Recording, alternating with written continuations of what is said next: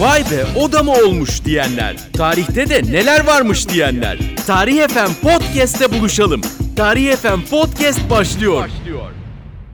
Hepinize yeniden merhaba. Tarih FM'e hoş geldiniz. Bu bölümde 2. Dünya Savaşı öncesinde Almanya'nın, İtalya'nın ve Japonya'nın neler yaptıkları hakkında konuşmaya çalışacağım. Hazırsanız başlayalım. Tarih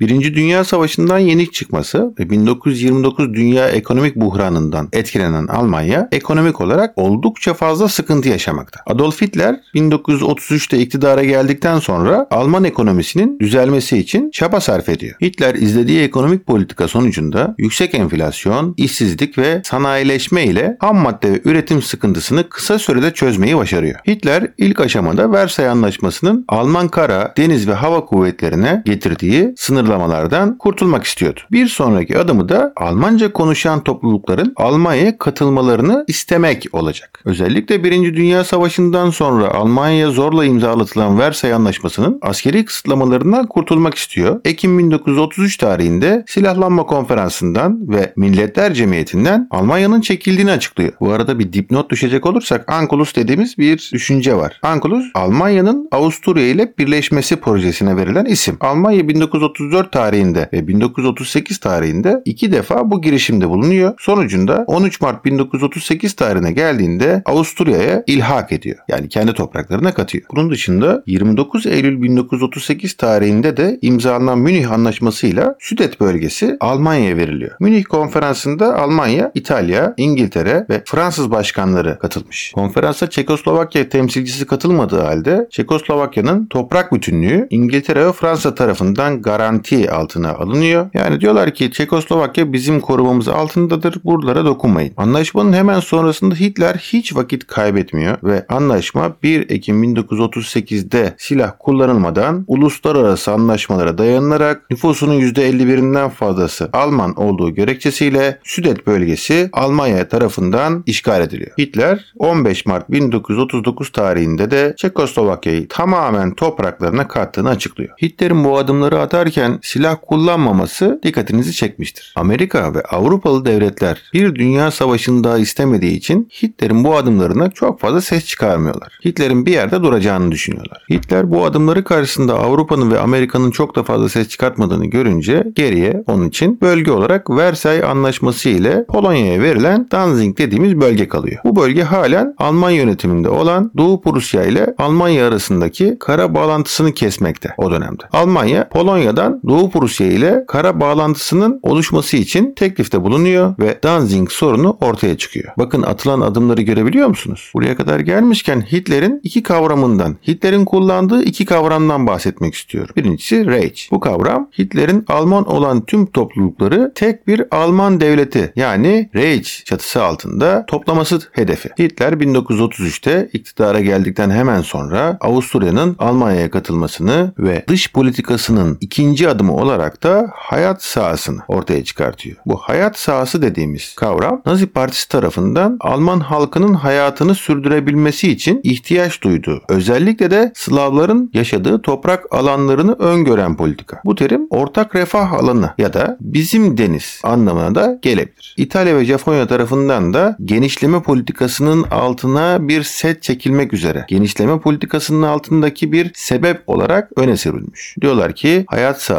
yani Almanların yaşadığı bölgeleri güvenlik altına almam lazım. Nereler buralar? Benim gözümün gördüğü her yer. Neyse devam edecek olursam 3 Mayıs 1939'da Sovyet Dışişleri Bakanı Litvinov görevinden alınıyor. Yerine Mihailovich Molotov getiriliyor. Bu görev değişimiyle de Sovyet Rusya'nın dış politikasında değişim oluşacak. Litvinov döneminde Sovyet Rusya Alman yayılmacılığına karşı İngiltere ve Fransa ile protokol oluşturmaya çalışıyor. Ama bu reddediliyor. Molotov döneminde Almanya İle saldırmazlık paktı çalışılıyor. Sonucunda 24 Ağustos 1939 tarihinde Sovyet Rusya ile Almanya arasında saldırmazlık paktı imzalanıyor. Bu pakta göre iki devlet birbirine karşı düşmanca tavırlar sergilemeyecek. Taraflardan biri savaşa girerse diğeri savaş açmayacak. Diğeri aleyhine bloklara girmeyecek. Yapılan anlaşma bunu söylüyor. Neyse Almanya öncelikle Orta Avrupa sonrasında Doğu ve Batı Avrupa'yı topraklarına katmak istiyor. İkinci aşamada ise Asya'yı özellikle Rusya ve Yakın Doğu ile buraları ele geçirmeyi hedefliyor. Sonucunda Ekim 1939 tarihinde Almanya ile İtalya arasında mihver yani odak devletler diye bir anlaşma imzalanıyor. Terim ilk olarak Mussolini tarafından ortaya konulan bir terim. Diyor ki artık Avrupa'nın mihveri Roma ve Berlin'den geçmektedir. Ne demek? Avrupa'nın odak noktası Roma'dır ve Berlin'dir. Biz bundan sonra beraber hareket edeceğiz anlamına geliyor. Sonrasında Anti-Komintern Pakt ile Japonya'da mihver grubuna katılıyor. Böylece Berlin, Roma ve Tokyo mihveri kurulmuş oluyor. İkinci Dünya Savaşı'na giden süreç böylelikle oluşmuş oluyor. Almanya ve Hitler'den hemen sonra biraz da İtalya'ya bakalım isterseniz.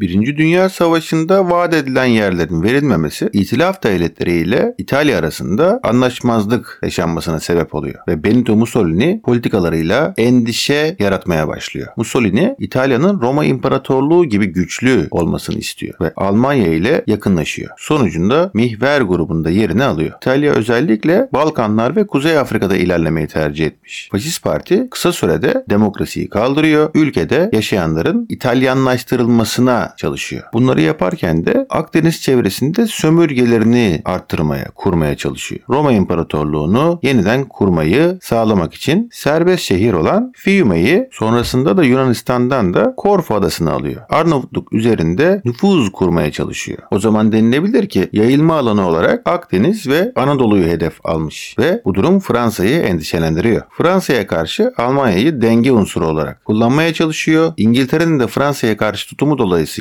pek tepki almıyor. 1929 tarihindeki dünya ekonomik buhranının olumsuz etkilerinden dolayı sarsılan İtalya ilk hedef olarak Habeşistan'ı yani Etiyopya'yı görüyor. Japonya'nın 1931'de Mançurya'ya saldırmasına, Almanya'nın saldırgan politikalarına İngiltere ve Fransa tepkisiz kalınca İtalya'da sömürgecilik konusunda cesaretleniyor. Habeşistan'a kimse askeri yardım yapamayınca ve Milletler Cemiyeti de İtalya'ya karşı ortak bir cephe oluşturamayınca İtalya'nın ilerlemesi daha da kolaylaşıyor. Hatta Habeşistan'ı işgal Milletler Cemiyeti'nde 52 devletin karşı çıkmasına rağmen gerçekleşiyor. Sonucunda Habeşistan 1936 tarihinde tam anlamıyla İtalya tarafından işgal ediliyor ve İtalya Akdeniz'de İngiltere'ye rakip en büyük ülkelerden biri haline geliyor. İtalya o dönemde Akdeniz'e bizim deniz kavramını kullanıyor. Bu kavramdaki amaç Adriyatik ve Akdeniz'i etki alanı olarak gördüğünü göstermek. Sonrasında Roma İmparatorluğu'nu yeniden kurmayı hedefliyor İtalya. 6 Kasım 1937 tarihinde Roma'da imzalanan anlaşma ile Anti-Komintern Pakt'a katılıyor. İtalya'daki faşizmin oluşumunu anlatmaya çalıştıktan sonra artık son konumuza yani Japonya'nın bu dönemlerde neler yaptığını biraz bakalım.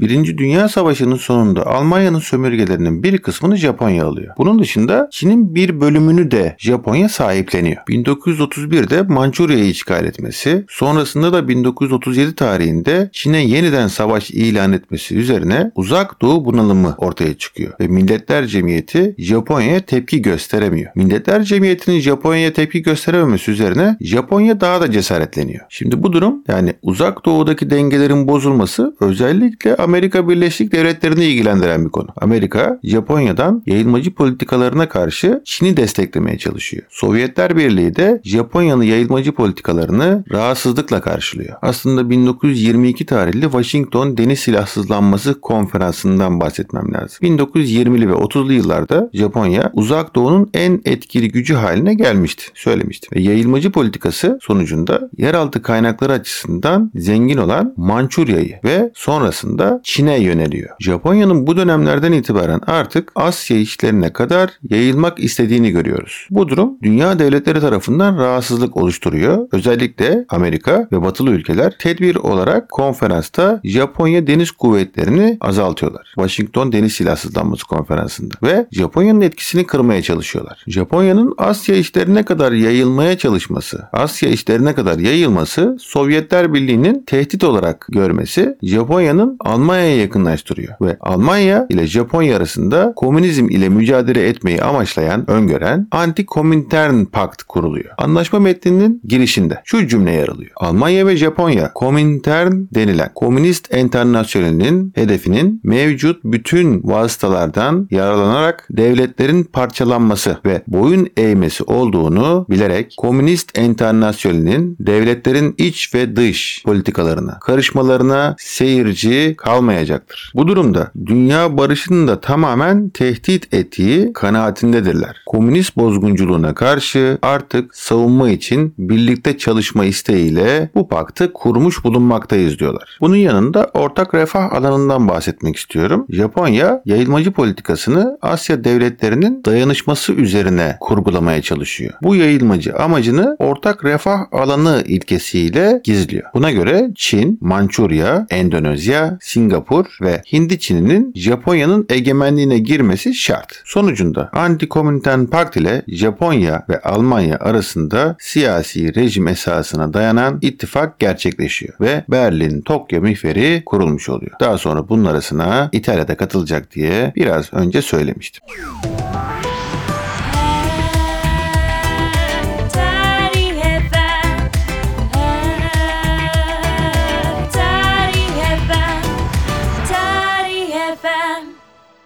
Podcast'imizin de sonuna gelmiş bulunmaktayız. Bu bölümde Almanya'nın, İtalya'nın ve Japonya'nın 2. Dünya Savaşı'na giden süreçte hangi gelişmeleri yaşadıklarını anlatmaya çalıştım. Görüş, düşünce, eleştiri ve yorumlarınızı tarihfm.gmail.com adresine gönderebilirsiniz. Görüşmek dileğiyle. Hoşçakalın.